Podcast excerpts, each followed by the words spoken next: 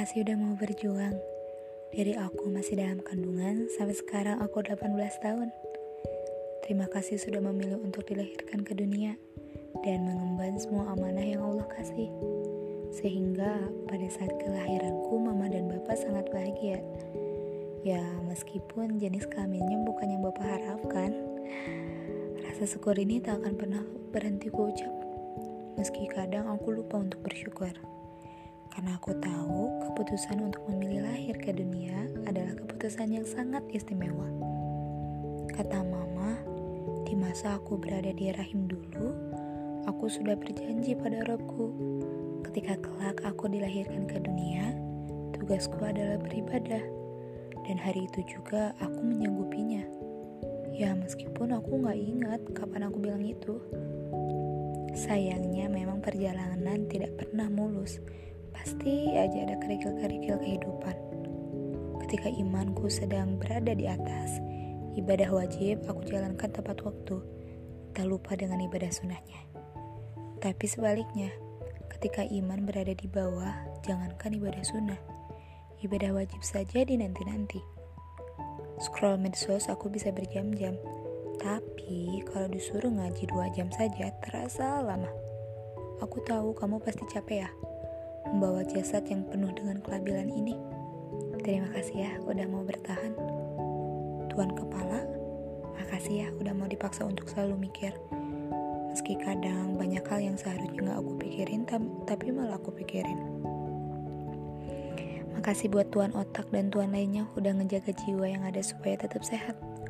Sehat fisik maupun sehat akal. Oh ya, buat tuan hati, makasih udah selalu ngingetin aku buat mention Allah terus. Jadi imanku selalu dalam keadaan stabil atau lebih. Lucunya kamu ketika kamu udah minta dicas karena imannya low, kamu bikin aku sesibuk-sibuknya ngejar dunia dan meremehkan ibadah.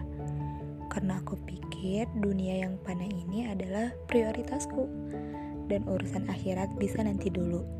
Sampai akhirnya aku terbawa suasana itu dan tepat pada saat itu juga ada Allah mention aku lewat pesan manisnya. Allah datangkan sentilan kecil yang membuat hatiku menangis. Namun kemudian aku ingat lagi pada tujuan awalku.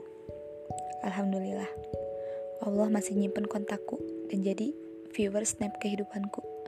Jadi ketika aku udah berbuat yang enggak-enggak, Allah langsung komen snapnya atau langsung nelpon buat ngingetin buat jasad yang kadang sudah ngerasa capek dan pengen istirahat tapi dipaksa buat terus ngerjain sesuatu.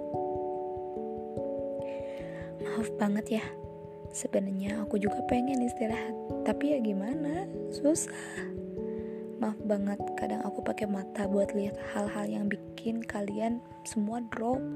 Jadi ngerasa insecure, jadi gak bersyukur, dan malah menuntut yang gak-enggak sama Allah Kadang mikir, kok Allah tegas sih nyiptain aku begini? Kok dia kayaknya hidupnya perfect deh? Pengen deh kayak dia. Aduh, sekarang aku sadar itu semua salah. Selalu bersyukur sama apa yang udah dikasih sama Allah. Terus fokus perbaiki kualitas diri sampai suatu saat nanti ketemu sama seseorang yang selalu mendukung kamu. Sekarang aku udah berdamai sama masa lalu. Kegagalan di masa lalu, rasa sakit di masa lalu itu udah selesai Aku mau kita kuat terus. Aku mau kegagalan masa lalu bisa bikin aku lebih berhati-hati lagi dalam melangkah di masa depan. Bukan malah bikin aku berhenti melangkah. Alhamdulillahi jazakumullah khairo. Salam-salam buat keluarga di rumah. Wassalamualaikum warahmatullahi wabarakatuh.